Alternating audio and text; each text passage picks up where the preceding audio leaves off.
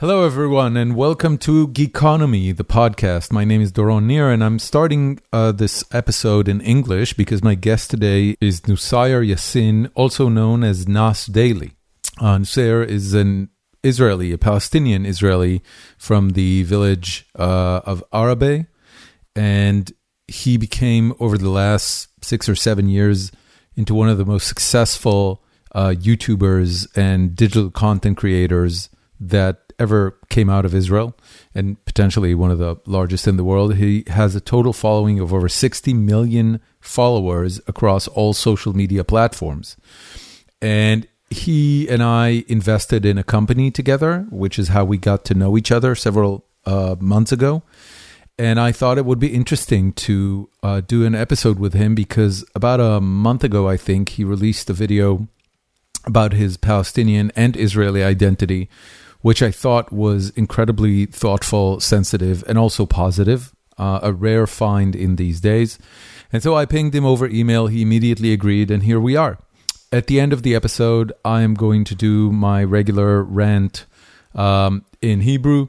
But for the time being, enjoy this wonderful conversation with Nuseir Yassin, Geekonomy, episode 628. Enjoy.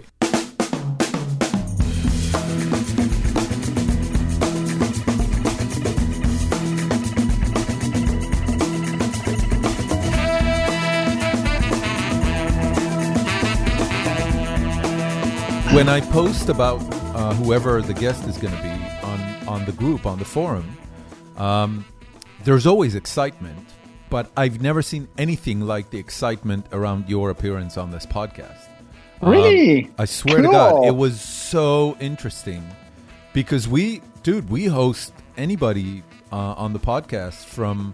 Um, you know, ministers of government, all the way to the most famous academics in in in in the world in Israel, uh, coming from Israel, and the amount of likes that you got was insane. Was insane, and and the hmm. the the comments were not only just asking you questions, it was also hmm. just wanting to communicate with you, like tell him hmm. his optimism is so uh, infectious, and and how does he maintain his optimism and Dude, you have a personality. Wow. I, I I knew you were successful. I just didn't know you were that successful with our audience. to be honest, I didn't know that either. I I, I, really uh, I feel very humbled. I'm I'm so what's the word? You know, I put a lot of effort into simplifying messages and and just to not be boring. And I I'm glad that the message is resonating with with intelligent people. I assume everybody in your in, in your, listening to this is an intelligent person. Absolutely, or has a, a good incredibly intelligent. Shoulder, you know, the most intelligent audience in the world by far, man. So I see your I see your okay, t-shirt. I see your t-shirt has changed. Last time I remember it was thirty percent. Now it's forty percent. But you're not forty yes. yet. You're just thirty. I'm 30 years. Yes, correct. But you know, there are two people that know when you're about to die: God and Google. Oh, and so Google, that's based on the Google assumption. 76 exactly 30 out of 76 dude you, you don't really plan to live by 76 you know that there's a growing i mean there's growth in that curve yeah assuming you don't get assassinated okay like have you seen my videos bro like there's a high chance i get assassinated you think so, so if i live if i live to 50 i'll be good come on that's not a real concern for you Dude, you're listen to me. Uh, let me give you my analysis. First of all, you're um, you're welcome in many communities around the world, so you can probably escape anywhere if you need to. Um, and you've already overcome that that barrier in your mind. You know, last week I hosted somebody from um, uh, who grew up in Iran, and oh, wow. his family, who was a Jewish family, actually stayed in Iran seven years after the Islamic Revolution and they only wow. left when when um when his dad got death death uh, threats. He didn't. They didn't even leave after his mother and baby sister were beaten in the street by revolutionary what? police, by revolution police, and the sister had a cigarette burnt on her. She still has what? the scar in the back of her head. And he tells me this And I'm like, why didn't you get the fuck out? And he's like, yeah, you know, yada, yada, yada. They only left like three years after that incident. And you've Wow. overcome that already. You're already a global citizen. So, mm. in terms of danger, you're not going to be in any meaningful danger. In terms of money, you probably have enough money. Dude, you're going to live to be 100. You need to update the shirt. Doron, I really love your optimism, man. I need to get some of that optimism too. You don't. You're right. You're right. How can you not No, be I do, do. optimistic? there, there's, you know, I think people need to differentiate between like the final product and the process to get to the final product. The final product of a Nas Daily video is incredible, in my opinion, but the process to get there requires a lot of self doubt, a lot of craziness, a lot of like tears and joy, uh, and you know, fighting in, until we get to the final product, right? So, I hope you know in the next one hour and one hour and a half, you get to see some of the mess that goes behind this thing we call Nas. Okay. So before we get to Nas Daily, uh, I wanna, Yeah. I wanna, I wanna go back to your childhood actually, uh, because Oh, wow, I, okay. I listened to your podcast, and that was actually a surprise. Um, I didn't know you had a podcast until my son introduced me to it because I only knew you from the videos. Wow. And then my son it was only two years, three years ago. yes, on uh, less 2020, so two two Yeah, years two ago years ago. approximately. Um, Yeah. my son in, uh, shares my Spotify account, so whatever he listens to fucks up my algorithm, and I start getting these uh, uh, this content as well. And then one day I I opened my Spotify and I saw he was in the middle of one of your episodes, and I was like, I didn't know Nas crazy. has he's he's 13 years old by the way. You were a wonderful positive influence on him. Anyway, Wow. I listened to the first episode, and you start from the age of 18, as if nothing happened before the age of 18. You start with the age of 18 and the fact that you went to it's Harvard. an accurate statement. Yeah. Why did you skip the first 18 years? What happened there? Well, I'm so happy you noticed this. That's so interesting. You know, there is a, I really believe in the power of communities. Uh, you know, this is what I do today now. Everything I do for work, for life, for business, everything is about bringing people together in communities. I really believe in the positive power of communities, but I also believe in the negative power of communities. And I just felt for the first 18 years of my life, I was in the wrong community. I was surrounded eh, with with with with people that may not have shared my interest. It was a very lonely upbringing, right? You know, dreaming about Harvard, dreaming about speaking English, dreaming about you know not you know starting a tech company. You know, these are unfortunately very lonely dreams, and so that's why you know uh, it's been a goal of mine for the first 18 years to to really escape. And being an Arab in Israel did not make it any easier, as you can tell. You grew Um, up in uh, in Arabe, um, Yes. which is a, a a village now city in in the Galilee, just in the middle between um, you know the the Galilee Sea and and Haifa, I assume. Correct. Um, Correct. what kind of family was that? I mean, from from your upbringing and the fact that you ended up going to Harvard and working for Venmo and all that place, all all these places, I assumed you came up from a from a very uh, educational, technological upbringing.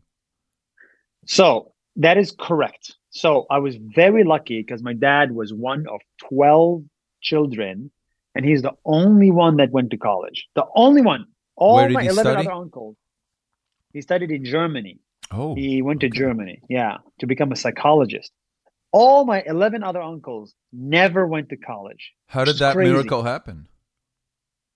I don't know. I need You to go don't. and say thank you, you, nev- again to you never dad. asked him.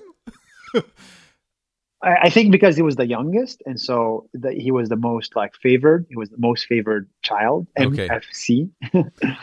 and then, um, and then that's why you know uh, my grandfather just gave him the money to study. Basically, Interesting. crazy. Is, is it maybe Yeah. because uh, is it maybe because because he was the last child, they were like already more comfortable on the money. We don't need the people to go to work immediately after school. So Exactly. we can send him to become a psychologist in, in Germany. Exactly. So he studied these social sciences, came back, became a psychologist, works in like, you know, uh, you know, like local municipalities, like nothing fancy, man. Like, I mean, you know, you know, both my parents combined, I think, make I, I don't know, 80k USD a year, maybe okay. something like that. In Israel, it's not in Israel. Like you can survive on that. Like we're fine. You can uh, survive uh, on that in the U.S. as well, but it's not. Yeah, it's middle class for sure. It's not. Uh, so where did the, the where did the tech come from? There was no tech. you didn't have a computer when you were young? No, I had it at starting the age of I think 13, 14. Okay. But that's when I was playing video games, right? So there, you know, playing video games, making online friends. That's really opened my eyes to the world. What did you play back then? Uh, so an amazing game developed by the American Army.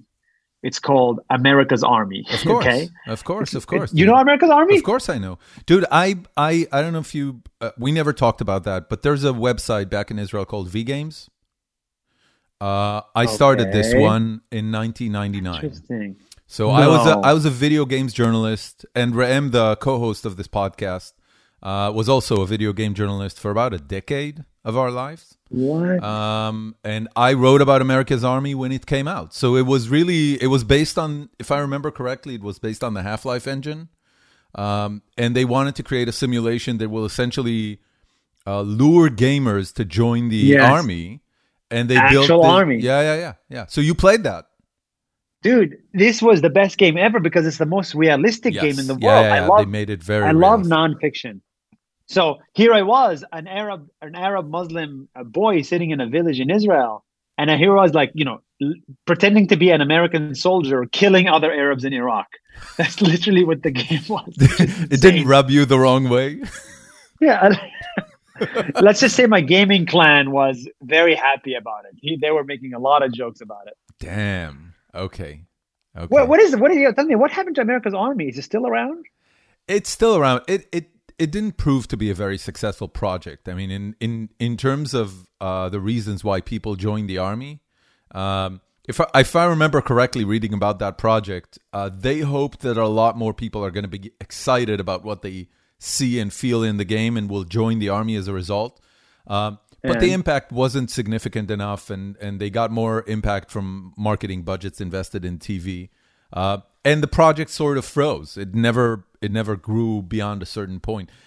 Also, dude, it, it's a non-commercial product. There's you know with video yeah. games, unless you make money, you really get stuck after a certain amount of time. But the game is still out there. I, I think you can still play it if you have a server.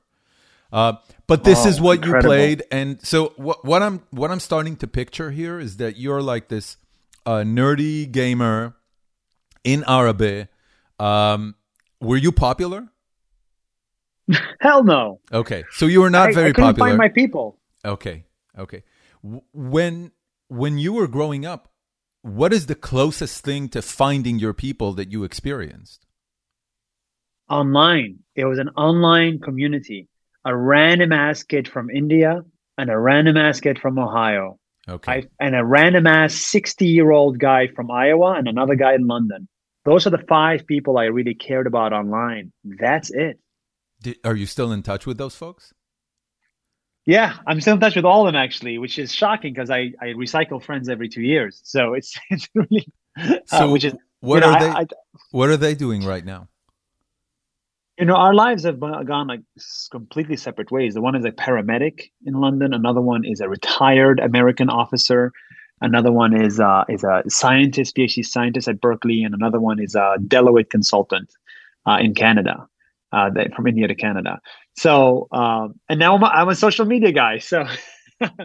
Everybody turned out pretty well man. Yeah yeah. Well I think except for the paramedic, I don't think he's he's made a lot of money, unfortunately. So I think he's still trying to figure that out. So I you're describing a fairly lonely childhood. How many brothers and sisters did you have? I had two brothers and one sister. Okay. So quite a lot. And yeah. how does an 18 year old boy decide that he wants to go to Harvard? I mean, dude, I remember myself at 18, I was scared to go to the army. let alone leave the country and go study somewhere else. How do you make that decision? I would be scared.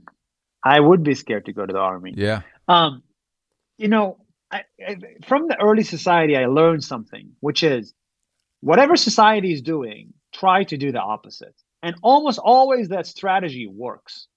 Whatever the people around you are doing, if they're successful, do the same thing. If they're not successful, do the opposite. It's, it works. So everybody around me was going to become a doctor in Moldova and Romania and Technion. Everybody wanted to be a doctor. You know, I come from a village with the highest number of doctors per capita in the world. Wow. In the world. It's it's in Israel. That's crazy. You know, out of a yeah, I had a hundred classmates. I think ninety of them are in the medical field. Dude, that's and like I'm a always, Jewish mother's dream. Well, it's also an Arab mother's dream, apparently. Yeah, yeah, yeah. yeah. That's so, why people are so similar.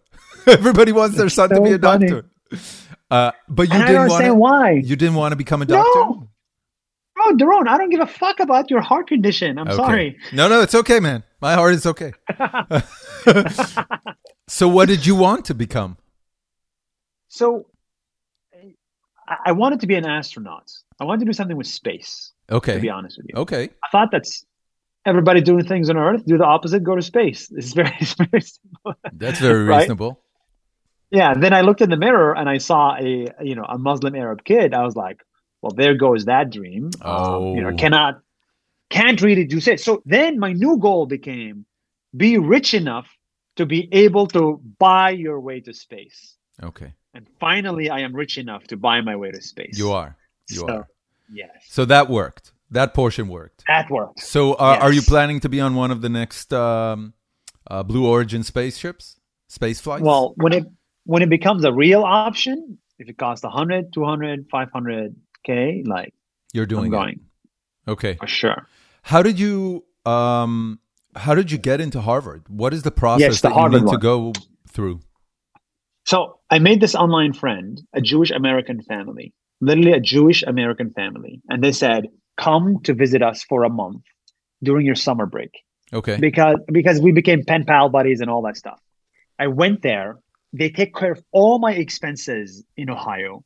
And then at some point on my last day in Ohio, I told them I like to go to America for college. I want to go to aeronautical engineer, engineering, da da da da da. And then they were like, oh, by the way, our son goes to Harvard. Do you want? We will fly you to Harvard to just meet our son and see it for yourself. Back then, I thought everybody at Harvard was a genius. The minute I landed there, I was like, oh my God, Harvard has stupid people. It has stupid people and genius people. It has people with relationship problems. It has normal people like you and me. When I saw that, the minute I landed there, it became an achievable object.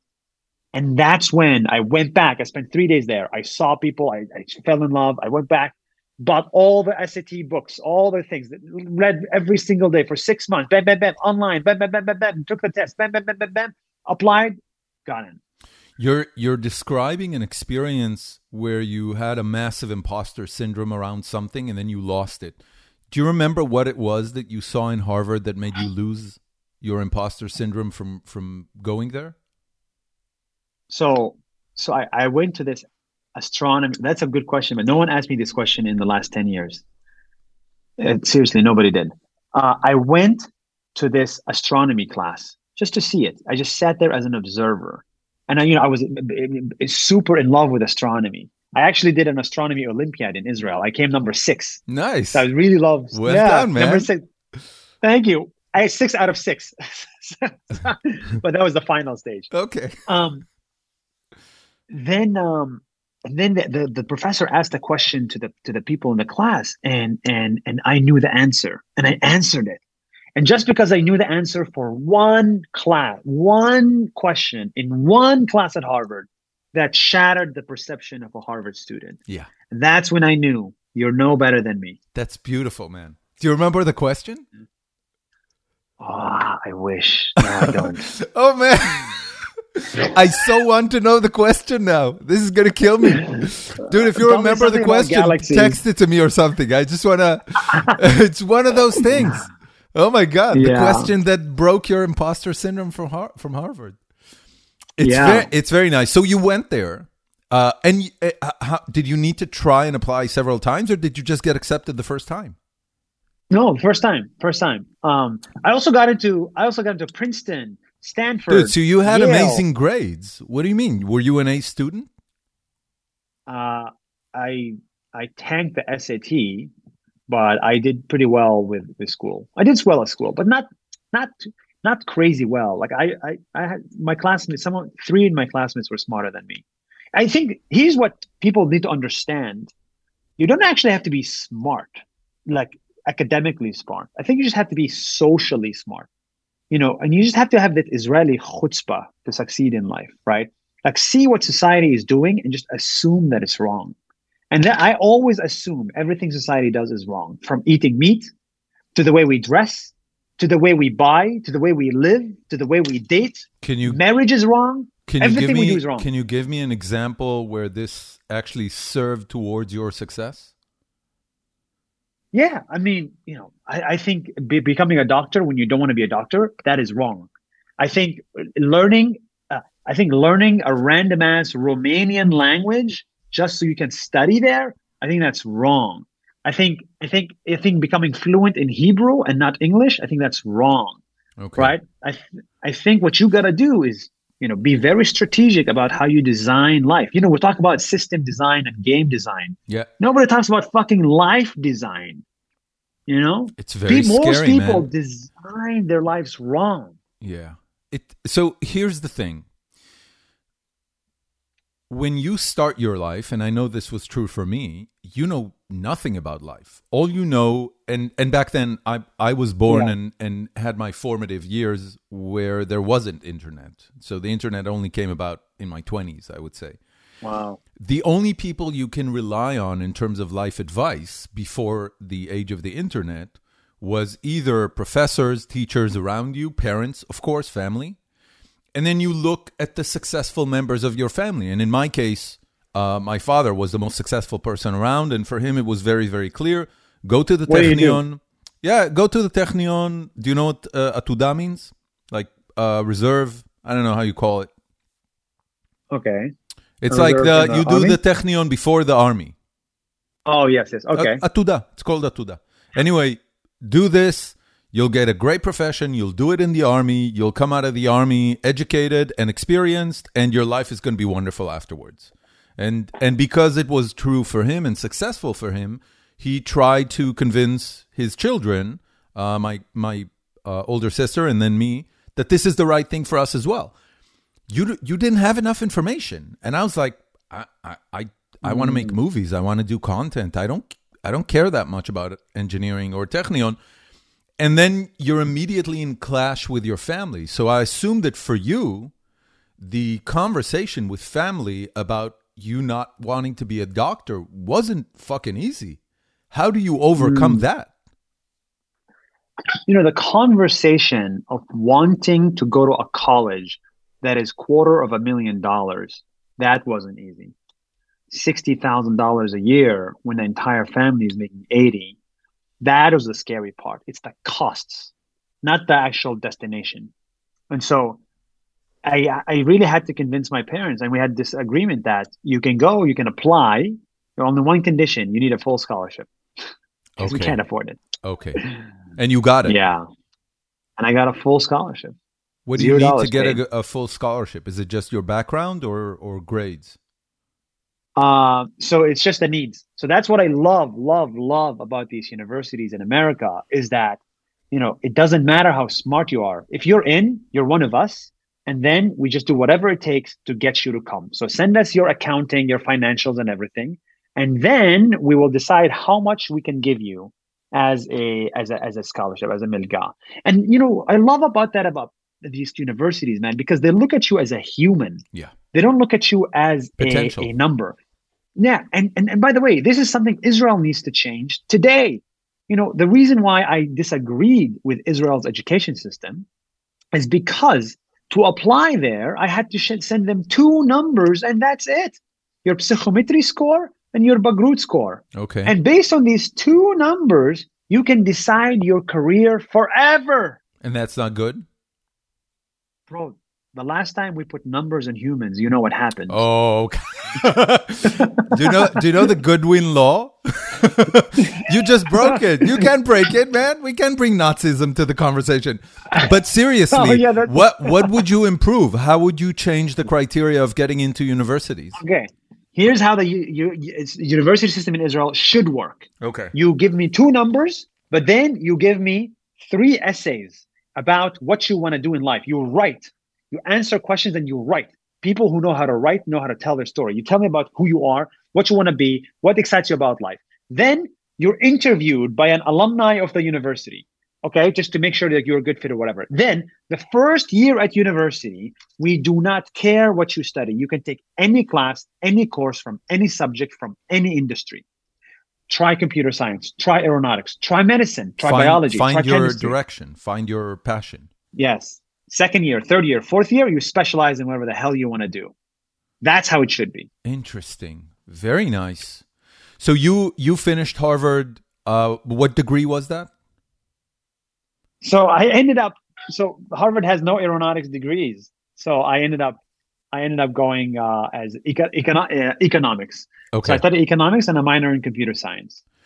when you're looking at your career, because I I um I studied economics at at the Haifa University as well. Oh, Um, nice. It it was a it was a dumb analogy. I thought, okay, I I really want to make movies, but my parents were very insisting that I at least have a degree. So I said, okay, movies. Maybe it's close to advertising. advertising. What can I study in the university that's close to? Adver- I'll do economics. that was the leap of. So that was the logical That- leap that we made.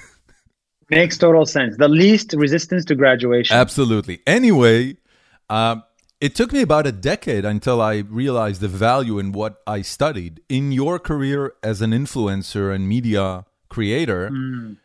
how often do you rem- remember the stuff you learned at Harvard? Uh, absolutely zero. Okay. absolutely zero like i still have to figure out how the the you know the monetary system works right even with a degree in economics at harvard and this is what i don't understand is that you know the value of education goes down over time. Uh, with every passing year you forget a little bit more. But the value of a community goes up over time. So with every passing year all my harvard classmates are more and more successful. And because i'm part of that community i get to be have access to them and just like be part of the quote unquote global elite. Okay. so so That's the community super smart, power man. is there Super smart. So th- this is Yeah. really about the alumni. it's only about the community never about the education for me How often do you tap into that resource? How often do you talk to people who are alumni from your class at Harvard? Um, so it's also not just from Harvard, my Harvard class, from all other classes. Um, I I get access to a lot of really cool like video ideas from that alumni list. You know, like Sam Bankman-Fried, the CEO of FTX. Right? Okay. That was just a friend of a friend. You know, Ah. Ritesh, CEO of Oyo Hotels, world's youngest billionaire, is a friend of a friend. And it's just like some of my best videos happen through these Harvard connections. And for that, I'm forever grateful. So, so, but what you're saying is very, very profound. You're essentially saying the success that you're experiencing in life and in the world is not about the knowledge you accumulate. It's about the connections that you that you accumulate because those have a multiplying effect. Yes, it has a compounding effect. Your network has a compounding effect because with every passing year, everybody in your network is a little bit richer, a little bit more promoted, a little bit more successful. Okay. So You you know? finished Harvard, and I know that you went to work for Venmo. Um, was it engineering? Did you code? Yeah, I coded data engineering. What do you think? Yeah. Did you hear that uh, Elon Musk asked the Twitter engineers to print out their code and show it to the Tesla engineers? Like print out on a paper. Yeah, dude. That just happened That's last funny. week. No, it's not Yeah, funny. It's that. insane. it's insane and evil. I don't know what what would you do if somebody asked it. you to do You do? Of course, bro. I'd be the first one to be fired. Oh, okay. That that, that would have pushed you out the door. Anyway, you were at Venmo.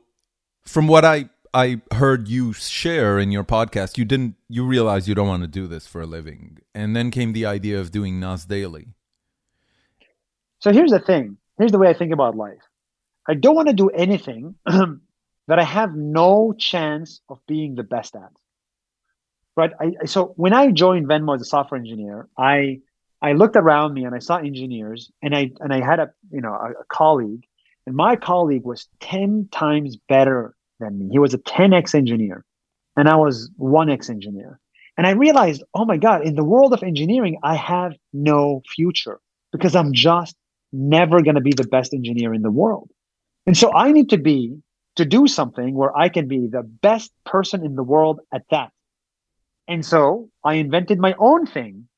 When nobody's doing what you're doing, you're automatically the best at it because you're only one of one, one of one. PFB 101.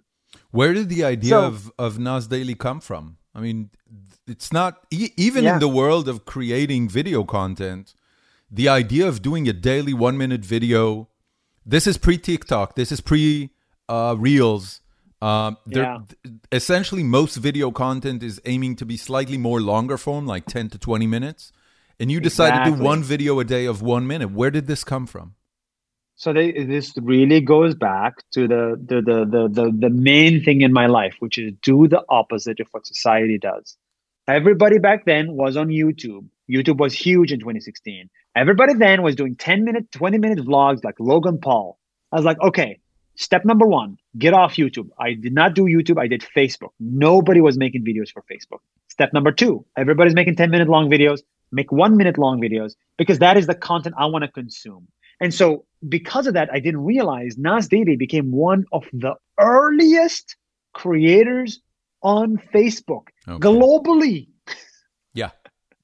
So you you were and and Facebook was growing like crazy. So you were you were a yes. Um you were a front runner in a very very rapidly growing platform. I rode the wave like a motherfucker. I rode So this was wave. this was back in what? Uh 20 10? 16, 17, 18. 16, 17, 18. Okay. So here's the question. We are now in on the verge of 2023. If somebody yes. approaches you now and says, "Okay, what's the equivalent of that strategy?" Becoming mm. a front runner in a relatively open opportunity on a f- rapidly growing platform. What is the equivalent of that today? So, so as a creator or as an entrepreneur? Uh, let's do one and then the other. As a creator, actually, I would do the same thing. I was just six years too early. This year, 2022, is the year of the one minute videos. So I would still do one minute videos. Okay. Instead of Facebook, I would put it on TikTok. Okay, so TikTok that, first. That would TikTok, be yeah, your yeah. first strategy. Okay. Because my strategy has always been distribution first, branding second. So distribution now is the easiest on TikTok. It's the hardest on Instagram. That's why I would choose TikTok. So one minute on TikTok every single day. Okay. And I would do the same thing, and I think it would still work. Okay. Very nice. Now yeah. for entrepreneurship. So for entrepreneurship, this is what I'm doing. So I had this six year bet, which is as a creator, right? Now I have another six year bet starting in 2022 until year 2028. My six year bet is about communities. I believe that communities, online communities, are going to be unbundled so I think what people should like like like the op the next wave that's going to happen is online communities are going to be reinvented because Facebook groups are dying. Whatever we did on Facebook groups and forums is has died. Now we're going to unbundle it to Discord, WhatsApp, Telegram, and using Web3 technology, online communities can trust each other with money. This is the next revolution. Okay, so where where do you see that already happening? I mean, Web three for those who listen to us and don't know what it means, Web three refers to the next generation of the internet, where you can you you not only publish your content, but you also own what you publish, and you have the ability to monetize it. And it's mostly associated with black, blockchain technologies. Um, where do you see a Web3 community that is already thriving and represents that opportunity that you just described? So I think a lot of the NFT projects are interesting communities. Now, a lot of them just want to make become rich, but I think some communities are really working and people actually respect each other. I think DAOs are a great way. I think uh, collectibles and Reddit are a great example.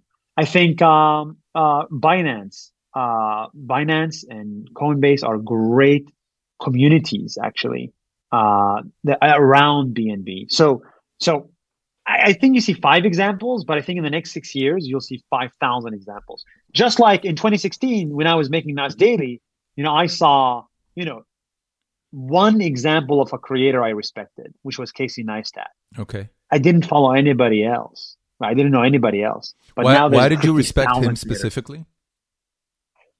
Um, because I thought, you know, when it comes to content creation, most people appeal to the dark side of humans. They use women, they use sex, they use, you know, money stuff. You know, I liked him because he did not appeal, he did not try too hard to appeal to our like dark instincts. So he was a very like elevated creator. And so he really inspired me. And he also had a family and a job and still made videos every day. That inspired me to make daily content too. If he can do it with a family and a job, I can do it as a single guy. Okay.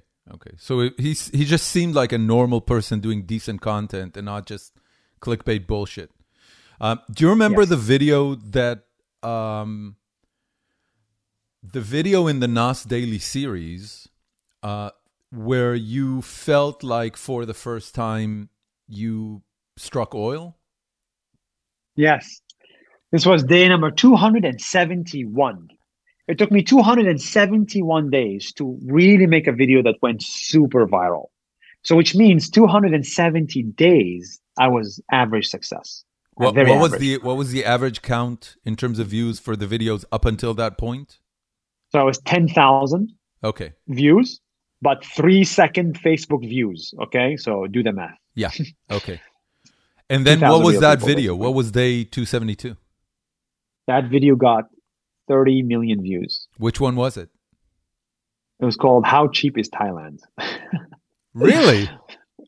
Yeah. It was basically me in Thailand saying, Hey guys, I just landed here and oh my God, this country is very cheap. Uh, I just bought this incredible meal for 35 cents. I'm just going to buy 300 of these meals. This is amazing so that that a lot of people apparently wanted to go to Thailand. So because did, of that, did video. you have so, when you were creating that video? Did you have any uh, idea that this is gonna be the one that explodes? Zero ideas. Zero.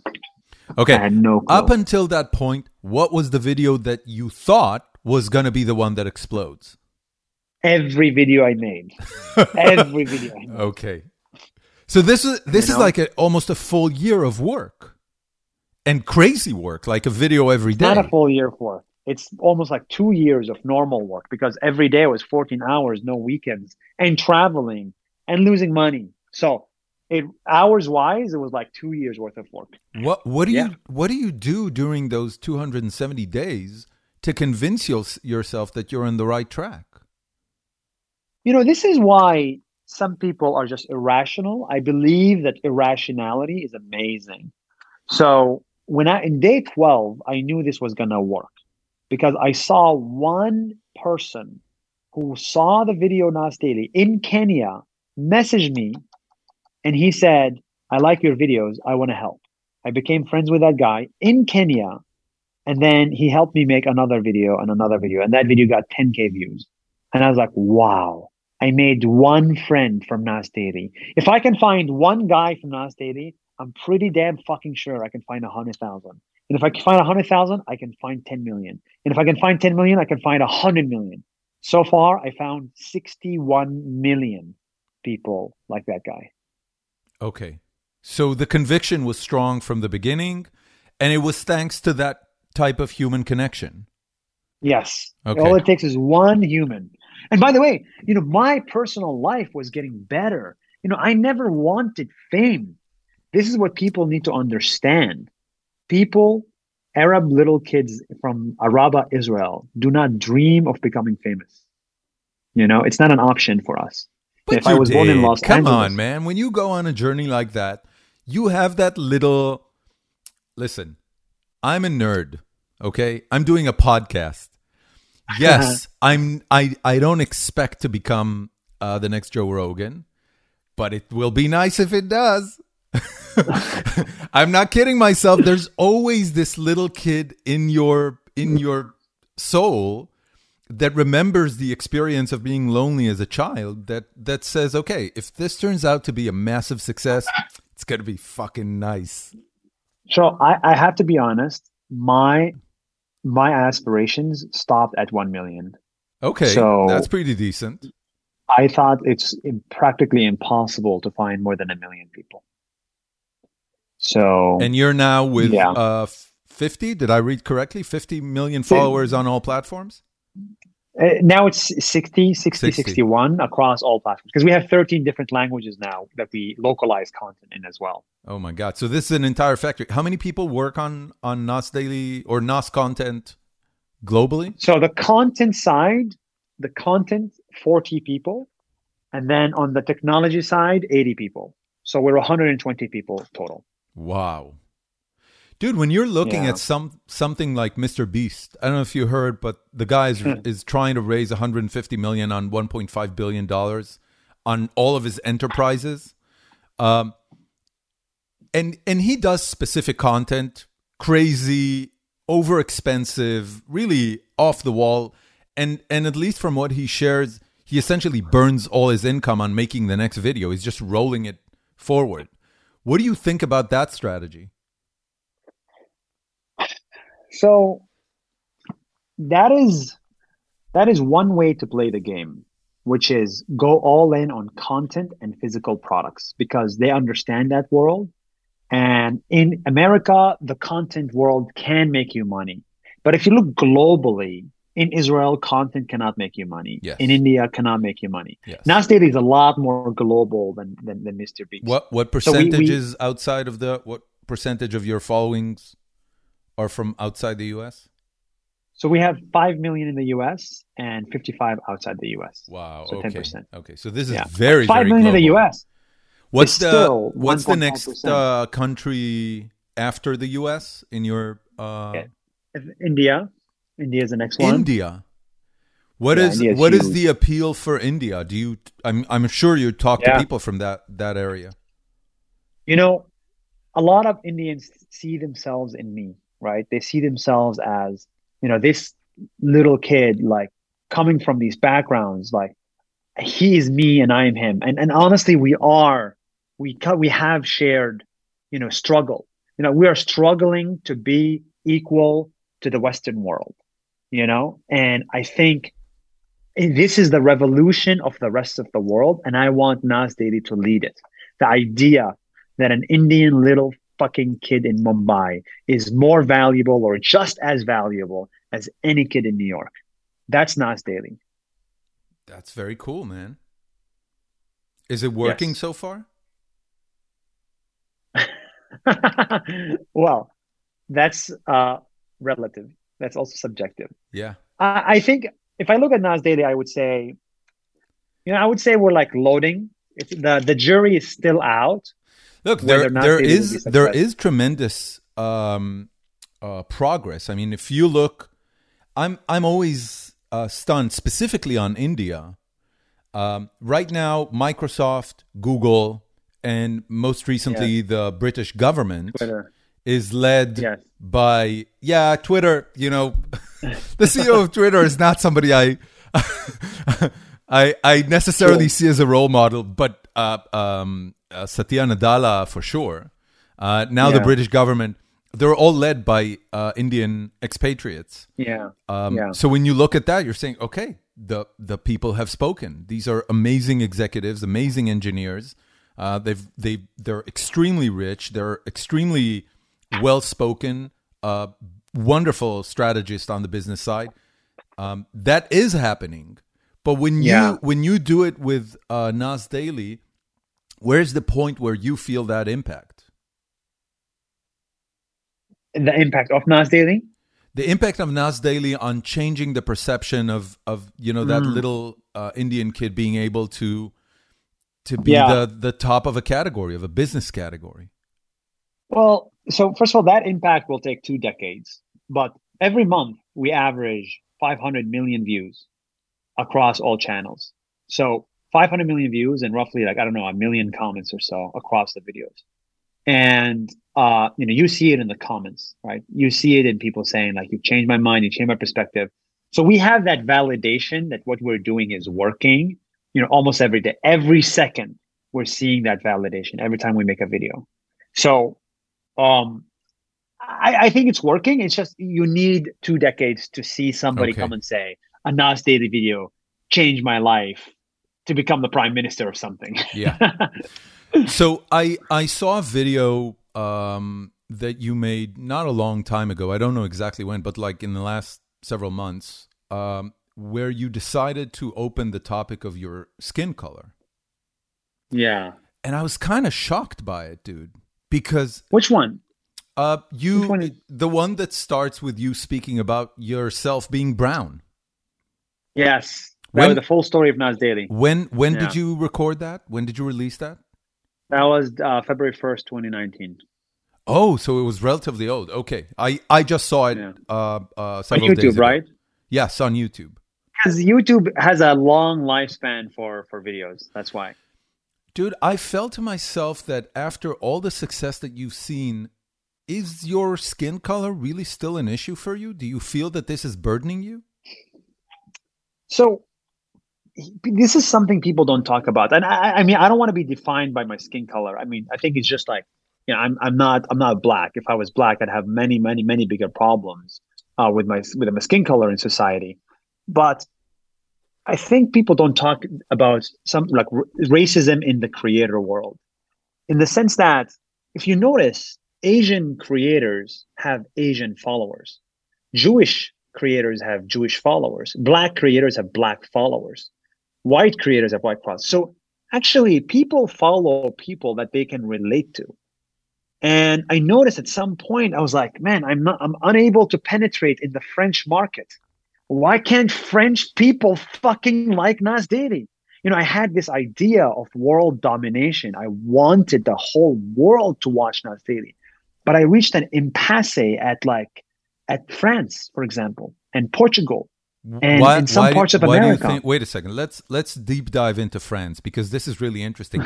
I, I think that France is is at least from what I know, and I, I haven't lived in France, but France seems from the outside a very very diverse society. They there are Yeah. there are millions of Muslim immigrants that are trying to build a good life for them. uh, Correct. there. So why do you think France is so impenetrable to you? So the Muslim French people may like Nas Daily. The brown ones may like Nas Daily. But the white French in the south side of France do not find Nas Daily topics or culture interesting.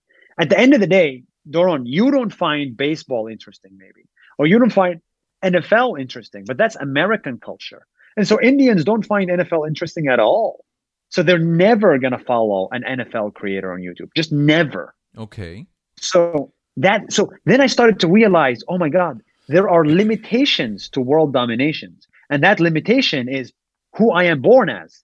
So even if I was white, I'd still have the same problem. So wait a second. is- wait, wait, wait. I want to go back to France. So if you Yeah. wanted to create, I mean, you're you know everything about content. You probably know 10x more than I do. If you wanted to crack the code of uh, uh, South France white uh, Christians, uh, you know what you need to do. I mean, you know how to follow the patterns of the content that they consume. If you would do like Correct.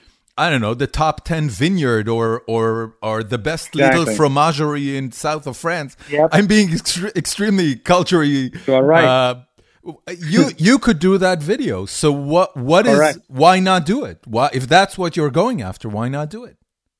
Because I'm not interested in it. And that is the problem. So it's about you. You don't care about the people of South France. No, no, no. I don't care about the things that people in South France care about. What you're saying essentially is that for your content to be successful, and I know this for many YouTube Yes. uh, content creators, Yes. it exactly. needs to be authentic. And you cannot be authentic on the same topics that South French people are interested in. Yes. That makes it impenetrable to you. You could So fake it's a limitation. it. It is a limitation, but it's a limitation in what interests you, not them. So, but I still want them. Why are they not? Why are they not interested in the world's shortest woman video. Um, I don't know, man. you gotta ask him. Why? uh, I I don't know that. What what's the level of your of the engagement with your videos in Israel? Pretty high, very high, actually. do you find that a personal victory? I mean, you, you're not speaking yes, very op- openly about this, yes, but it I sounds do. like you're you're you sort of have those mixed feelings with the the the the Jewish population of Israel. It's like I grew up there, but you know, let's just stay friends. Uh, no, when- no, no. I, I by, by, the way, all my leadership in my company is Jewish. I'm a huge fan of Jewish. Uh, I didn't say Jewish. I said Israeli. Israeli is different. Oh, you said Jewish. That's why I got to oh, correct okay, you. okay. Israeli, Sorry about that. So when you, No when, what's the kind of engagement you see in Israel? Amazing.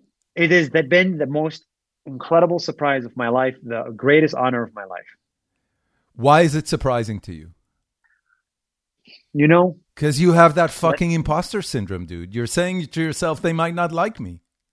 well, Doron, you know, you've never put your shoe yourself in my shoes. You've never been I've never an been. Arab little kid with with with with trying to go to a bar in Israel and talk to anybody in Israel. Yeah. Talk to any girl in Israel and as an Arab, bro. Good luck. No matter how fucking attractive you are, when I'm not.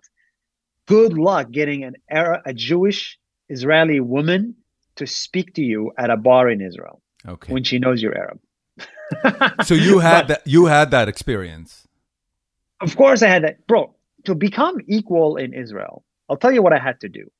I had to speak English, like I'm doing right now. hmm So Israelis love English. They, they're associated with intelligence. I That's had to because we were colonized degree. by the Brits. Yes. There's always this little back uh, of the head course. where, like, you know, this is the culture we were colonized by. Yeah. I had to get a Harvard degree. Israeli Jews love Harvard degrees. Okay. And I had to get a million, I had to get a million followers. When I got all three, I became more equal than an average Israeli Jewish guy in Israel. So I became more equal. So I get more people to speak to me after all these things I've done. Now the issue is that the issue is that the remaining 2 million Arabs cannot do the same. And so now they're still stuck in the same black hole I was stuck in. The question is, how can they change their culture to become more integrated in Israel? And how can the Israelis change their culture to be more accepting and less fearful of the Arab population? So I want I want to There's ask you ways. about the the the first part of that because you know being a an an a, an Israeli Jew, um, I'm a lot uh, I'm a lot more concerned about what Israelis need to do to accept other people. But in in your family in your village, what is the kind of discussion or what's the talk around how to how to live better together? What is what is the what is the way that is being mapped? Because for Israelis, uh, Jewish Israelis, there's a there's a tremendous amount of fear because it could go both ways. It could become a country where two tribes are fighting over the same piece of land forever and ever, and it could become harmonious and and positive. yes. And Yes. and I think both, at least the intelligent people on both sides, know that it's up to the people themselves to achieve that. What is the kind of talk that you experienced in Arabic? To be honest, not very good. Okay. This is my biggest problem with my society. And Nas Daily is resisted within the Arab Israeli society because it calls for self reflection. You know, it's there's an incredible, like, incredible hatred, uh, you know, towards, you know, Israel, uh, Jews to some extent, yeah, and yeah. maybe not hatred, maybe not hatred, but incredible Dude, so you How do I you say essentially, uh, you know, I I feel you, and what you're essentially saying is life's too short. I'm going to become a global citizen. I live in Dubai. I go where life is better, and I try to make the world better. But I'm gonna I'm not gonna let myself get dragged and waste my entire life on this argument. but I still do. That's the problem. I still, I still find myself, you know, contributing to the Palestinian-Israeli debate, getting sucked into it. You know, investing in Israeli companies, uh, doing things to help the Arab Israelis. I find myself sucked into it as much as I want to escape it. What percentage of your content are you? Did you discuss the um, the the Israeli Palestinian conflict? Uh, roughly two percent. okay.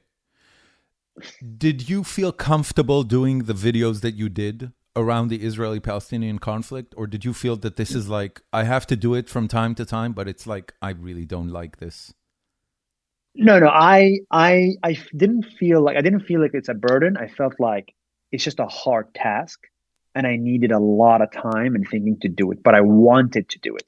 I view Nas Daily as a once in a lifetime opportunity to create meaningful change in Israel and Palestine. Okay. And that's why in 10 years, I do intend to go back in 10 years. I want to go, go back, come back to, to live in Israel. Israel. Yeah. Dude, I really hope it's going to be good enough for you back then or, or then, not back then. Like, are you in Israel now, or you? No, no, no. I live in Austin. in Israel. I moved in, in 2017. Yeah. I lived in California four years, and now I'm in Austin. Do you think you'll go back? Uh, no. And wow. I'll tell you why. Um, it's not a definite no. It's not a hard no. But what I'm thinking of, I grew up in Haifa. That was my uh, entire childhood. I love the city so much. Every time I go back, it's like there's there's a literal sense Amazing of city. coming home and just like a, you know, I can I can breathe deeply. But Yeah. once I moved from Haifa to Tel Aviv, Haifa became one more place that I can live and visit, and Tel Aviv became another place. And then the question comes to mind of where else can I live and be happy? Uh-huh. And Tel Aviv, Yeah. from many aspects, is so much better than Haifa. And California, from many aspects, is so much better than uh, Israel. And now I live in Austin, and it's better than California. So my quest, my mind really, Mm. I'm really thinking, where else can I live that's going to be great for me? Dubai. And maybe I don't know, dude. I have a I have a serious problem with the Dubai, um, you know, you hum, human rights situation. How, how? I mean, is this Bro, bro, something that impacting bro, your bro, life? Bro. bro, bro, bro. And the last thing I want to hear, the last thing I was want to hear is about an Israeli American. Yeah, okay, yeah, yeah. Teaching us about human rights. I'm not teaching anybody. I'm not lecturing. Definitely not, dude. I'm I'm Okay. I don't know. I'm asking you is the situation of human rights in Dubai in any way impacting the life that you live there? Um, so first of all, so no, no, it's not. Second of all, I think, I think living in Dubai has taught me a valuable lesson that there is more than one way to govern the world. We assume that the Western way to govern the world is the correct and only way. It's one flavor to govern everybody. We call it democracy. Liberal one flavor democracy, yes. liberal democracy to be Yep. clear i no longer think it's the only way you can get massive success Dude, and that's stability so scary for me to hear. That's so Bro. scary. bro you know what's scarier walking on the streets of san francisco Okay. So so wait a second. sorry man No, no, no, man. No, It's a- listen. It's absolutely fine, and thank you so much for agreeing to go to that direction in the conversation. What do you feel in your with your life in Dubai that made you reconsider the notion that liberal democracy is not the right way to go? so the way i model countries the way we should build countries is the way we should build companies companies are becoming countries look at apple Apple has become a state on its own. It gives you housing, it gives you a car, it gives you insurance, it gives you healthcare, gym, medicine, childcare, and it gives you security and it gives you a peace of mind, right? Apple is a state worth th- $3 trillion. Now, the way we model companies, we do not model it in which a freaking random ass intern and a software engineer and a designer get to make decisions on Apple's product line right? Decisions are standardized at the top in every company we build. That is the number one single reason why society has created so much value private enterprise. Private enterprise is not a democracy, it is a technocracy. It is basically where the people at the top govern democratically. It's called the board, correct? and we choose the smartest people to sit at the top and they make the decisions for the company. Dude, let, let's no, imagine for a, a, second what would happen if yeah. Apple was a country. Okay? Yeah. First of all, it would be a dictatorship. It no, would, it would be a technocracy. It would not be a dictatorship. It would be a dictatorship to the extent that the individuals that live there don't have to, uh, the ability to determine who governs them. Would you agree to live in a society where you are not determining who's going to govern you? Yeah. So, in the future, in the future, in the next 20 years, I think people are going to vote with their physical location. They are going to move. You have decided to cast yes. a vote. Yeah, yeah, yeah. You voted that you like Israel, U.S. government system better than Israel's government system. So in the future, you don't like Apple's dictatorship. Live in another dictatorship, right? But you can leave, and that whole refugee and human movement is just going to increase and increase and increase. You can buy passports. You can get new citizenship. You can renounce citizenships. That's going to be much more prevalent in the future. So, so, so if we have 200 dictatorships, everybody has the ability to move freely in any system of governance they want, then that's a good world to live in. What happens if one of those dictatorships decides that the borders are closed? Well, that's when you get problems, right? By the way, but that's that's very much like Apple. Apple is, to a certain extent, uh, their app store is a closed garden. It's one of the biggest contentions that that company has. Great. Then that's the beauty of competition you can create an, that's an opportunity to create another dictatorship. It's called Android. Okay. I want to ask you because the the first of all it's a, it's a fascinating subject and fashioning uh, countries like organizations is and is a is a concept that becomes more and more um, um, discussed because we're yeah. seeing countries uh, fail while organizations become incredibly exactly. successful and more powerful economically than all countries or than individual countries. But I will ask you this. Earlier, we talked about Web3 and DAO. Uh, DAO, yes. by definition, is being uh-huh. governed by everybody who is part of the community. And it's completely Correct. conflicting what you're saying now. So it's not. So I believe, I believe in equality of like ownership. I believe ownership should be distributed equally like democracy is, which means everybody should own a piece of Apple. It's called stock. That's why I love Web3. Everybody gets to own. But I believe that the DAO system that's done now, where everybody needs to vote and you need 51%, that's bullshit. That's going to die in two years. You're going to see that the DAOs that implement that end up people delegating their vote to another higher power, and that higher power does it. That's like Bitcoin mining, bro. Even Bitcoin mining was supposed to have validators and whatnot, and it became four players deciding on this. So I think that's just like a temporary thing. I do believe everybody needs to own a part of the success.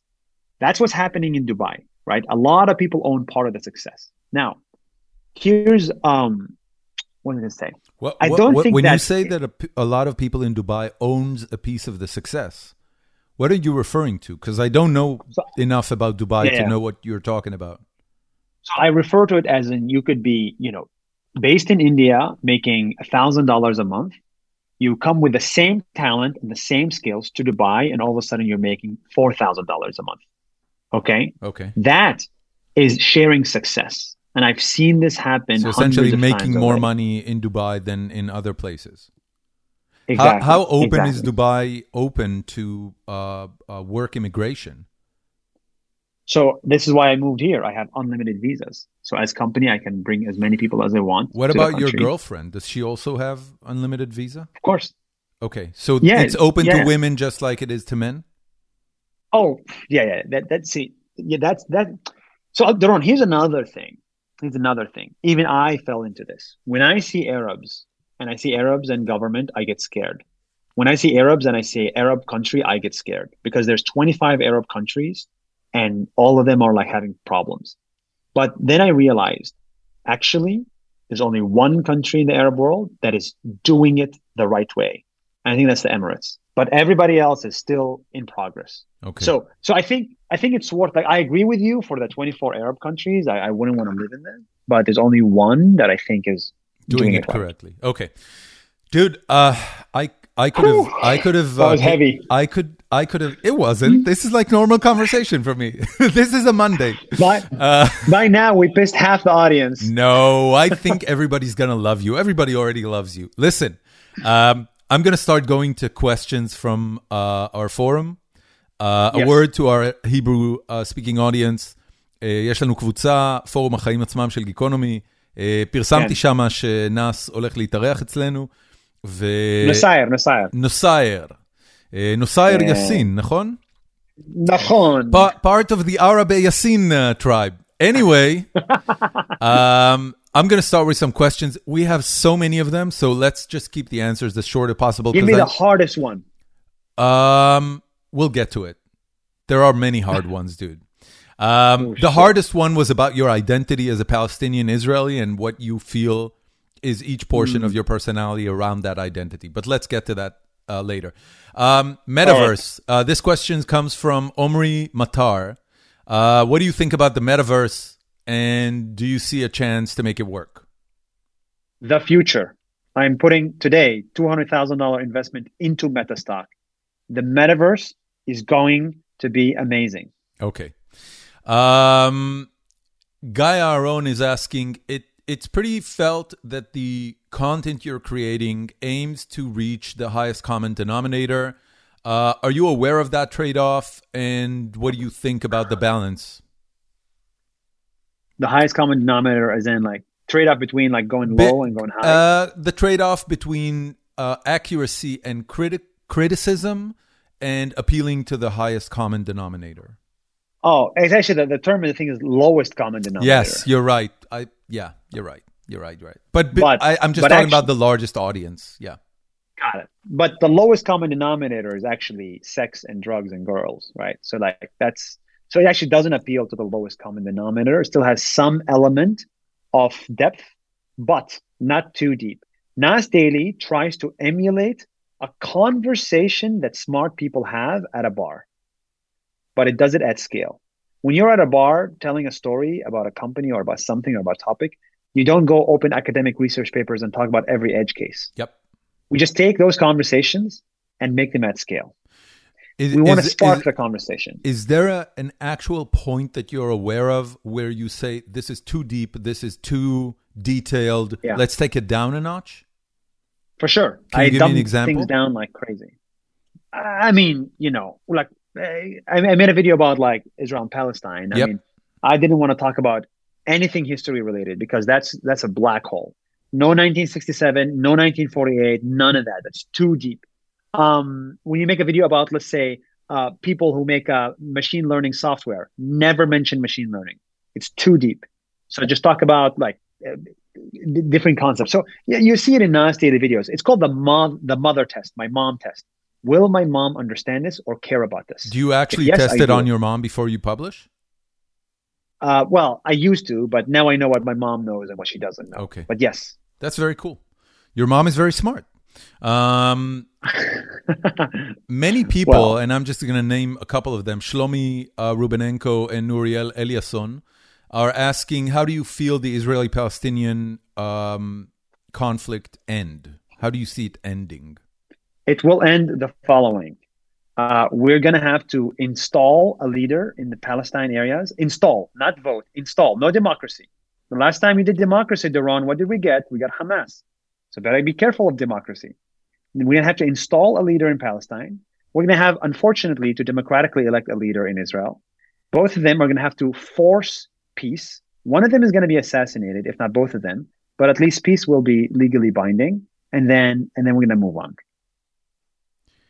Dude, when you say install, who is this miraculous, powerful entity that has the capability of installing a Palestinian leader? Ideally a superpower, China or America or Dude, uh, or isn't this leader immediately going to get murdered because there is no consensus in the people that this should be the leader? There's different ways. There's He's- always ways. He said mysteriously. no, I mean I don't want to come off as like you know. This is like Black a Ops shit, tyrant. dude. What are, what are you in the CIA? What is this? Doron, only one of us went to the army. Okay, That is you true. did. That is true. My army wasn't that you impressive. Let me shit, tell you. bro. now. You guys hide it. okay. You hide the shit you do. Um, Amir Egozi is asking, I would love to know how you convince people to participate in your videos. Sometimes there are shots where a hundred people, hundreds of people are, are together without having a, a mutual language. How do you do it? And this actually, this question got 20 likes. Wow. Yeah. So people don't know this, but I, the beauty of Facebook dark posting. So I create a post on Facebook that is only available in the in the country I'm in. So let's say I'm visiting Germany. I say, people in Germany, I'm coming to Germany. I'm going to be at this park at this place. I would love to meet you in person. If Nas Daily is popular in the country, 100 people show. Uh, not popular, 100 people show up. If it's popular, 5,000 people show up. Oh my Then- God. All these people show up, and then we just make a video together. It's as simple as that. Okay. How long did it take? I mean, how many videos did you have to create until you got to this position? The first meetup I ever had was day 274, and I had 40 people show up in the Philippines. Very cool. Okay. Uh, Gabriel Goidel is asking, what is your B plan if Facebook uh, gets abandoned or loses uh, traction? Uh, and he, he's also asking about Meta, but you know, let's just talk about Facebook. My B plan is I'm already on the B plan. I already have come to terms that Facebook as a blue app is going down, hardware is going to go up, and Instagram is going to go up. So I'm indexing more on Instagram, more on on on TikTok and YouTube, and I'm indexing more on communities. I'm also building a community platform called Nas.io, which is basically so- software tools. That's what we raise money for, and that's what I'm spending 80% of my life doing which is basically a place to help you manage online communities. So think of the Facebook group. It's basically, it complements your Facebook group to make it 10 times better. That's what NAS.io does. And I think building the technology platform yourself gives you that control to have longevity. Okay. Uh, Rotem Snipper is asking, what was your uh, what was the most meaningful video that you created, and what was the video you most enjoyed to create? Usually, I don't like answering these questions because it's too specific into the details, and my mother wouldn't be interested. You know, every video I make is like a child. I love my children. So you don't, you're not going to answer this. Yeah, I just I don't think my answer will be interesting enough. Oh, okay. Um, so again, another question. Uh, okay, so this is kind of similar. Which one of your videos are you most proud of, and which one managed to raise a question that was very important to you? Yeah, I don't think my answer is interesting enough. Okay. Um, are you an optimist? This is from Tom Tom. Tom Tom, peeping Tom Tom. Uh, I am an optimist. Yes, I think, I think, I I think Meta is going to be amazing, and I think the world's going to be amazing. And I, unless World War Three happens, if World War Three happens, then yeah, I'm going to disappear. Did uh, you know? You mentioned earlier that uh, Palestinian Arabs uh, have issues with you. Um, is this something that changed over the years? Are you now more popular with Palestinian uh, Israelis than um, than before, or less? Yeah, so just to give you context, you know, we have six million followers in the Arab world. That is one and a half percent of every Arab on planet Earth has clicked like on Nas Daily. So we are massively popular in the Arab world, and a lot of Arabs see themselves in Nas Daily. We are massively unpopular amongst nationalistic Arabs. You know, national like like super like Because super you are a Arab that- global citizen, because you promote an identity that that transcends a- Yes. a specific country or state. because I say there is yeah yeah because I I don't have that much allegiance to Palestine because I say that there is a something called Israel that exists. Yeah. That idea saying that Israel is a country is the most unpopular idea in the history of the Arab world. Did it did it cross the line to death uh, threats?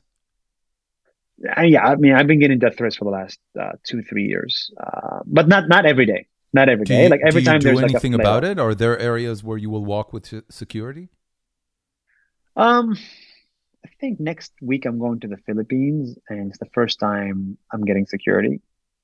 I think you know at, at some point every public figure like has to go Yeah.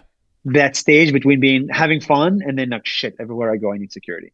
Right. Sheryl Sandberg has security, right? Yeah. Mark Zuckerberg, Kanye West has security. So, you know, the question is where is that line in which you need it? I think after six and a half years of doing this and 60 million followers, I think You're beyond that to- line in specific territories. I think so. Yeah. Yeah. Um, Ilan Samish is asking, what is your investment policy or, or strategy in startups? Um, so right now I only have one thesis, which is invest in Israeli tech companies, uh, because I, I want to build a network effect as an investor in these in these in these in the in the country. I invest in things that I would use myself. So food tech. I'm vegetarian. I would like to see people just Are no more dead ve- animals. Vegetarian, but not vegan. no, not vegan. So No, cheese, too hard. fish, fish, yes, no? Yeah, fish no, fish no. Okay. Um, so so that's why I try to invest in like alternatives to food because again, whatever society is doing is wrong. And second thing is creator economy, communities and creators. That's Okay. the three things I care about. Also, shout out to Munch.io, which both of us are investors in. So, Yes, uh, wish sir. That, wish that company a tremendous amount of success.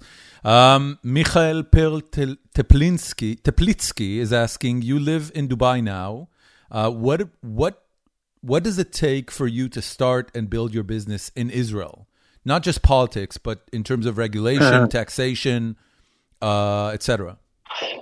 People don't know about this. I started my business in Israel. I started my business in Israel and I got in here with my girlfriend and my other editor. And I said, I want to do this legally. I want to get a visa. My editor was from Poland. He's Christian from Poland. They asked him, What's your religion? He said, Christian. He said, Oops, it's going to be very difficult to get a visa because you, you got to be Jewish. It's much easier. I was like, Wait, I, I can't build a media company in Israel where everybody speaks Hebrew and it has to be a global media company. It's way too hard.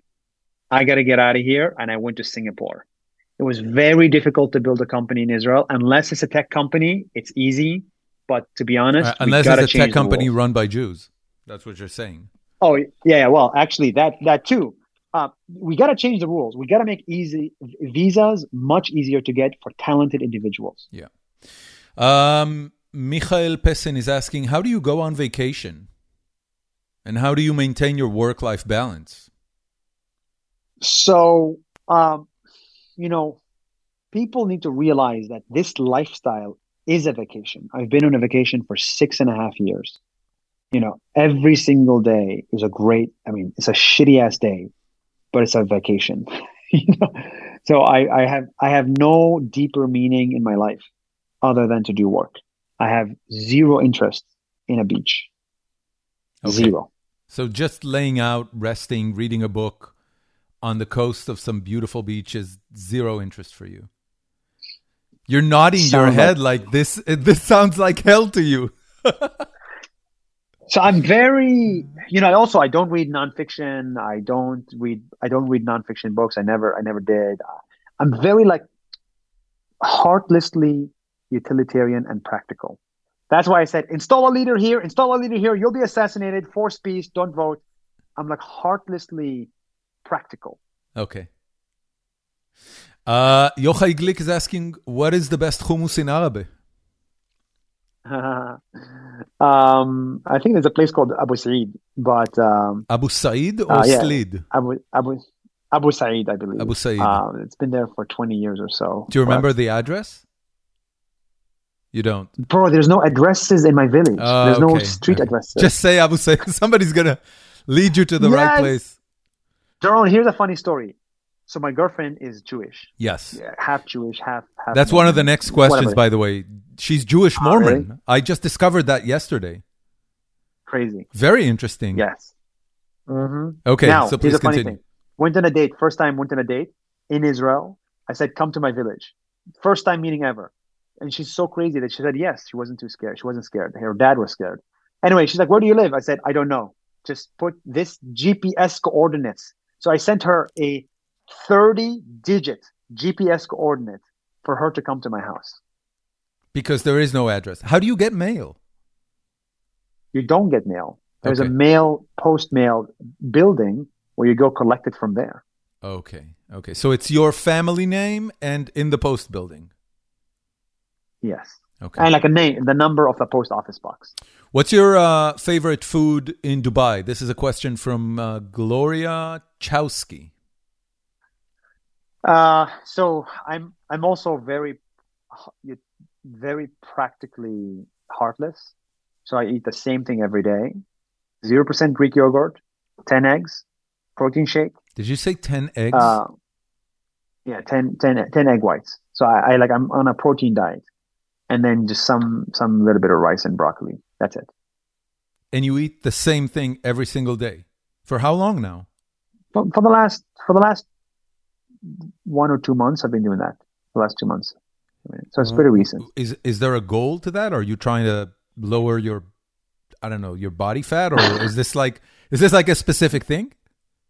So again, with society, society says if you want to build muscle, you must kill a cow and put the cow inside your tummy because the cow has protein. And I want to see if we can prove that on my body that you can be incredibly muscular and lean and healthy looking without killing a single animal. Okay. So I am So, doing a so, lot. so of this is like um this is like uh, uh super size me. This is going to be a video essentially. exactly Okay. it's a video that's one year in the making. Okay. Okay. Um so are you going to you're not in Israel right now, right? You're not going to vote tomorrow. Um, oh, there's elections tomorrow. so much for voting. Got it. Um, okay, Tamari Dan is asking what is going on in Dubai with uh, with workers from the east. I'm not sure exactly what she she is referring to. So basically, the same thing you're referring to, like human rights and, and, and whatnot. Okay. Um, I think, I think people don't realize how terrible it is in the East, and how less terrible it is in Dubai. So I'm not saying it's great, I'm saying how less terrible it is. You know, in the pursuit of money and a better life, uh, people move countries and and sacrifice a lot. And I think that's happening in Dubai. It's happening for Mexicans in America. It's happening in Texas. I think that's a global problem, and I think we all need to try to fix it. okay. That's very uh, vanilla, I have to say. It's a very That's my only dip. That's my only PC answer I gave you in this entire one hour and a half. fair enough. Fair enough, sir. Um, okay, so uh, Nir Goldenberg is asking about something that happened in one of your videos. You had this sort of conversation with somebody uh, uh, religious that said you don't look like you're Arab, and there was an entire uh, reaction there where you were. I- could see on your face you were incredibly offended, and at the same time you maintained your composure. How the fuck do you do that, man? um, you know, when you, so you you that you know when you control your emotions, you can control the lovey-dovey emotions, and you can also control the angry, angry emotions. In the sense that, right, you you have to be just like practical, um, and you know that interaction that happened, like I I thought it was a gold mine because it's a great opportunity to create an incredible lesson for the world to see. And it was it was, it was on camera. It was amazing. So like, you know, I, you know, I mean, maybe the short answer is I'm used to it. Um, That's a good and answer, I just to be honest. yeah, I'm used to it.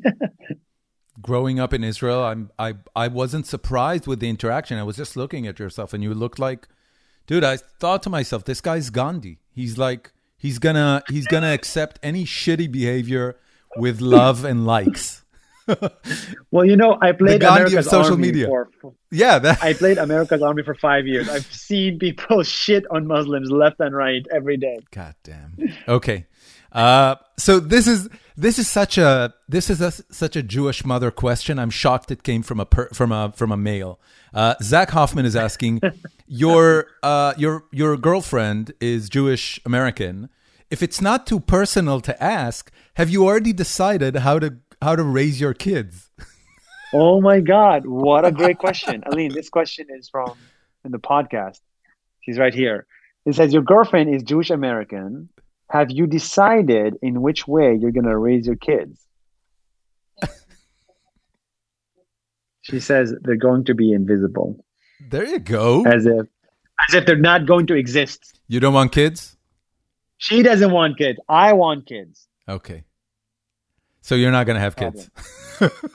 if she doesn't want them, you're not going to have them. I, I'm, I'm sure you figured out the biology by now. You know, it is possible for one hand to clap. That is true. That is true. okay. Uh, dude, there's uh, still a bit more uh, questions.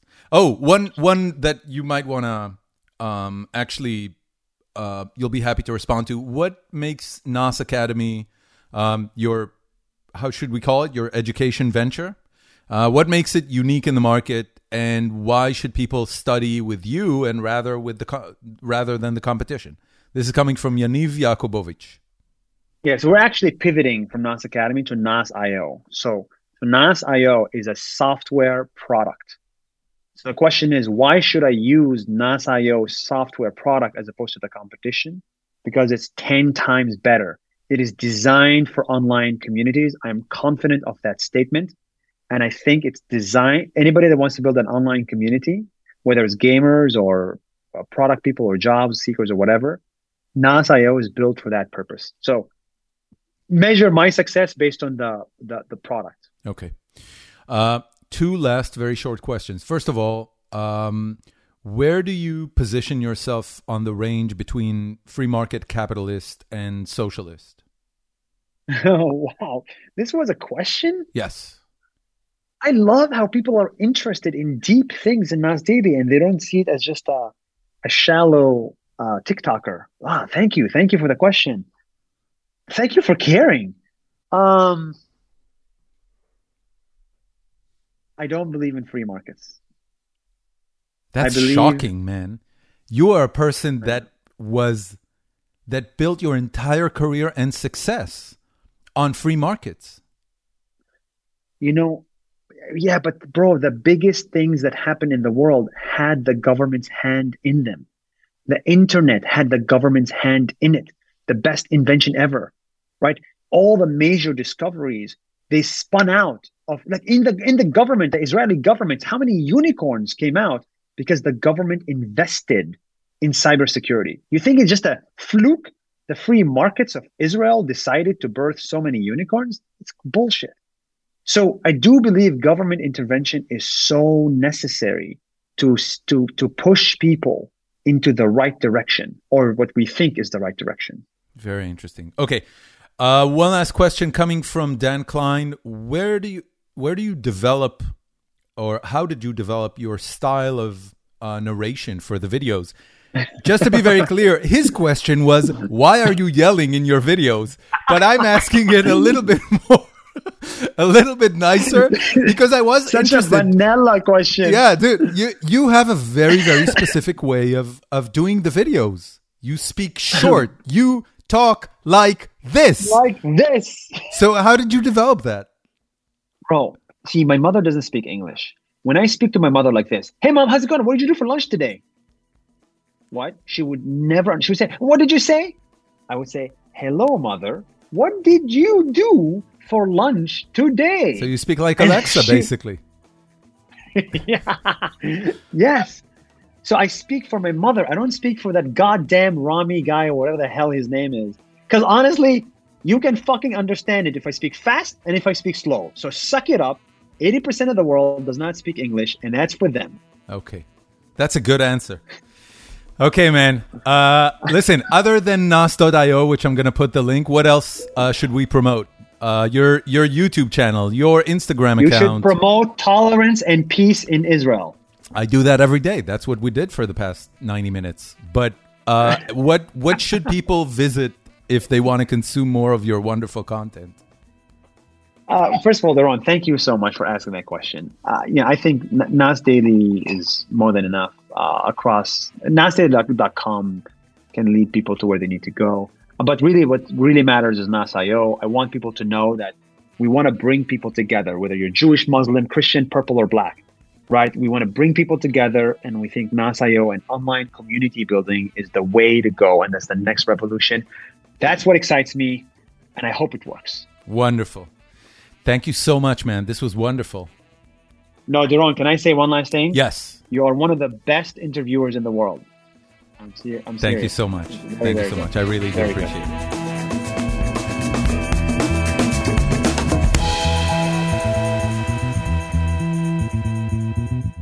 ועד כאן הפרק. אה, איזה כיף זה היה. אה, בן אדם אה, מרתק עם דעות לא קונבנציונליות, אני חייב להגיד, וגם לא מעט סתירות, אבל, אבל אני חושב שככה זה היום.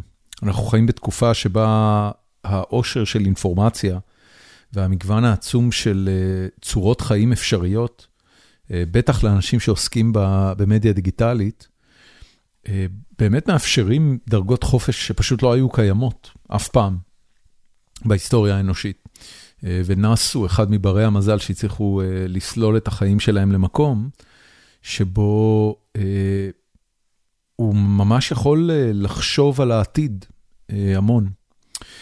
אני רוצה להקדיש את החפירה שלי לאחת מהשאלות שעלו לקראת הפרק הזה, אה, שאלה שממש אה, הטרידה והעסיקה אותי בימים אה, אחרי שקראתי אותה. אה, לא שאלתי אותה בפרק, אבל, אבל החלטתי להקדיש את החפירה שלי אליה.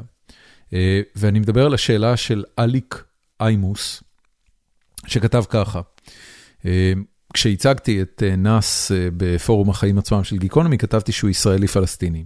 אז אליק כתב ככה, מה זה בדיוק ישראלי-פלסטיני? זה כמו גרמני-פולני או רוסי-אוקראיני, או יותר כמו קנדי-אמריקאי או ברזילאי-ארגנטינאי. מה הבעיה שלכם להיות חד-חד ערכיים? הוא נקרא בשפת אימו אה, ערב 48, אני מקווה שאני הוגה את זה נכון. אז כתבתי לו, זה שאני ישראלי-אמריקאי, אתה כן מבין? אז הוא כותב בחזרה, אתה ישראלי, בעל אזרחות ישראלית שמתגורר כרגע בארה"ב, ייתכן ואתה גם בעל דרכון אמריקאי, אבל, אבל אתה בעל לאומיות אחת. לא יודע כמה ערבים אתה מכיר ברמה האישית, כמה מהם עובדים איתך, ומה החלוקה הגיאוגרפית שלהם. אך כאן בישראל אני עובד עם ערבים מהצפון שאומרים בקול ברור שהם ערבים מוסלמים, פלסטינים, שגרים בפלסטין, אך תחת הממשל הישראלי. אה, חבר'ה מחברון, אין להם סיבוך, הם ערבים מוסלמים פלסטינים שאינם רוצים שלטון פלסטיני, אלא שלטון ישראלי או חמאס. אה, אבל אתה יודע מה משותף לכולם? אף אחד מהם אינו כולל את ישראל בזהות שלו. אולי ביוסטון, טקסס, החיים יותר פלואידים, אך כאן במרחב הזה, מי שלא חד וברור, זולג אט אט אל חוסר הרלוונטיות, המציאות חזקה מכל סיסמה.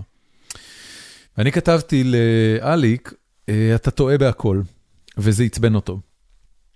אז הנה אני נותן את התשובה היותר רחבה שלי. התשובה היותר רחבה שלי, אליק, זה שהעולם מאוד מאוד השתנה ב-30 השנים האחרונות, בוודאי בכמעט 50 השנים שבהם אני חי.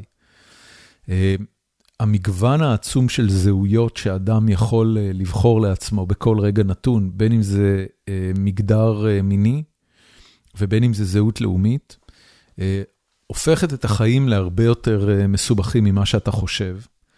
יכול להיות שבמקום שאתה גר ולטובת אה, אה, פשטות מחשבתית, נוח לך לתייג אנשים בתור אנשים מלאומיות כזאת או אחרת. אני לא אומר את זה חלילה כדי להתנשא או כדי לזלזל, יכול להיות שזה באמת מה שעושה לך את החיים פשוטים יותר או טובים יותר. אבל אני מגלה, גם מאז שעברתי לארה"ב וגם עוד לפני זה, שהחיים הם הרבה יותר מורכבים. אז הזהות הלאומית שלי, כל עוד גדלתי וחייתי בארץ, הייתה ישראלית. ואז ב-2017 עברתי הברית, והיום, חמש שנים אחרי זה, אני כבר אזרח אמריקאי.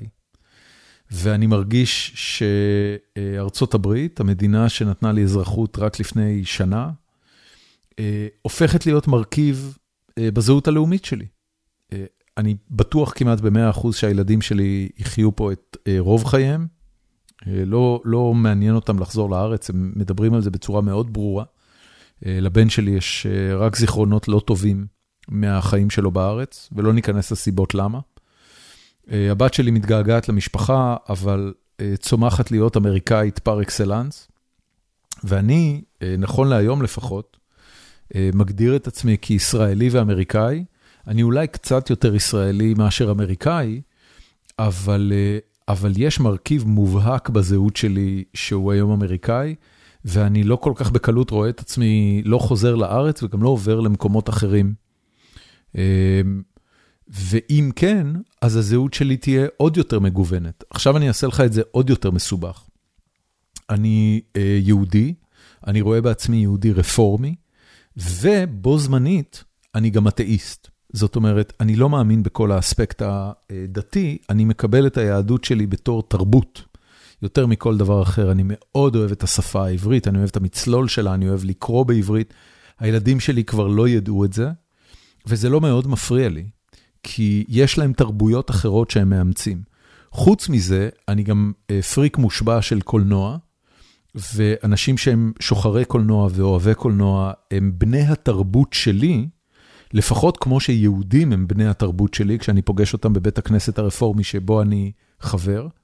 ויש לי עוד כמה תרבויות כאלה, תרבות גיימרית אה, של אנשים שכמוני צמחו על משחקי מחשב, נוסר בעצמו אה, הוא אחד כזה. ו, ועוד כמה תרבויות כאלה, אנשים שגדלו על, על פינק פלויד וג'נסיס, שתמיד יהיה לי חיבור איתם ואני אוכל לדבר איתם וליהנות מהם. בקיצור, אמ, יש בזהות של כל אחד מאיתנו מגוון רחב של מרכיבים, וזה הופך את העסק לכיפי ומעניין, והמכנה המשותף שאני מוצא עם כל האנשים שיוצא לי לדבר איתם, לפחות אלה שאני אה, אה, רואה את עצמי, מסוגל לתקשר איתם ומסוגל לחיות איתם, זה שהם חפצי חיים, שוחרי זכויות אדם והומניסטים. וזה מה שמאפשר לי לעשות שיחה כזאת אה, עם נוסייר, כמו שעשינו עכשיו, ולהקשיב בתשומת לב לדעות שלו על איך מדינות צריכות להתנהל. אה, וזה מה שמאפשר לי לדבר עם כל אחד בפודקאסט הזה. וכשאני שואל את עצמי, מה הופך את הזהות הלאומית שלי לישראלית בעיקר, אני חייב להגיד לך, אין לי תשובות קונקרטיות לזה. יש המון ישראלים שחיים היום בישראל שלא משלמים, לא משלמים מיסים למדינת ישראל, או לפחות עושים כל מה שהם יכולים כדי לא לשלם מיסים למדינת ישראל. אה, יש המון ישראלים שלא משרתים בצבא ולא מתכננים לשרת בצבא ורואים בצבא תועבה שצריך להתרחק ממנה. והפלא ופלא, הם ישראלים, הם לא מבקשים ממך אה, רשות לזה, הם פשוט ישראלים.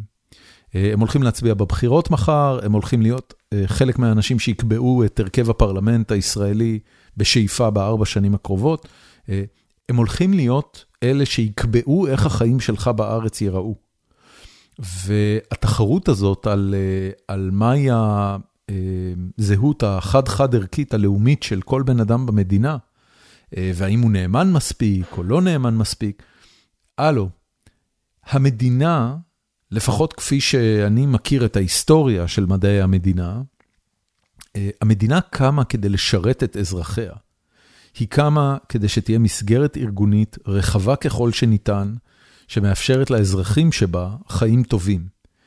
אם אתה חושב שזה לא ככה, אז אולי שם צריך להתחיל. אולי זה הדיון שצריך לעשות לפני זה, מה מטרת המדינה, בשביל מה היא בכלל קיימת. אה, ואחרי שתחליט בשביל מה היא קיימת, אמ, ואולי מדינת ישראל גם צריכה להתקדם צעד אחד מעבר למדינת ישראל צריכה להיות קיימת, כדי שיהיה מקום ליהודים לחיות בו בלי שינסו לשחוט אותם.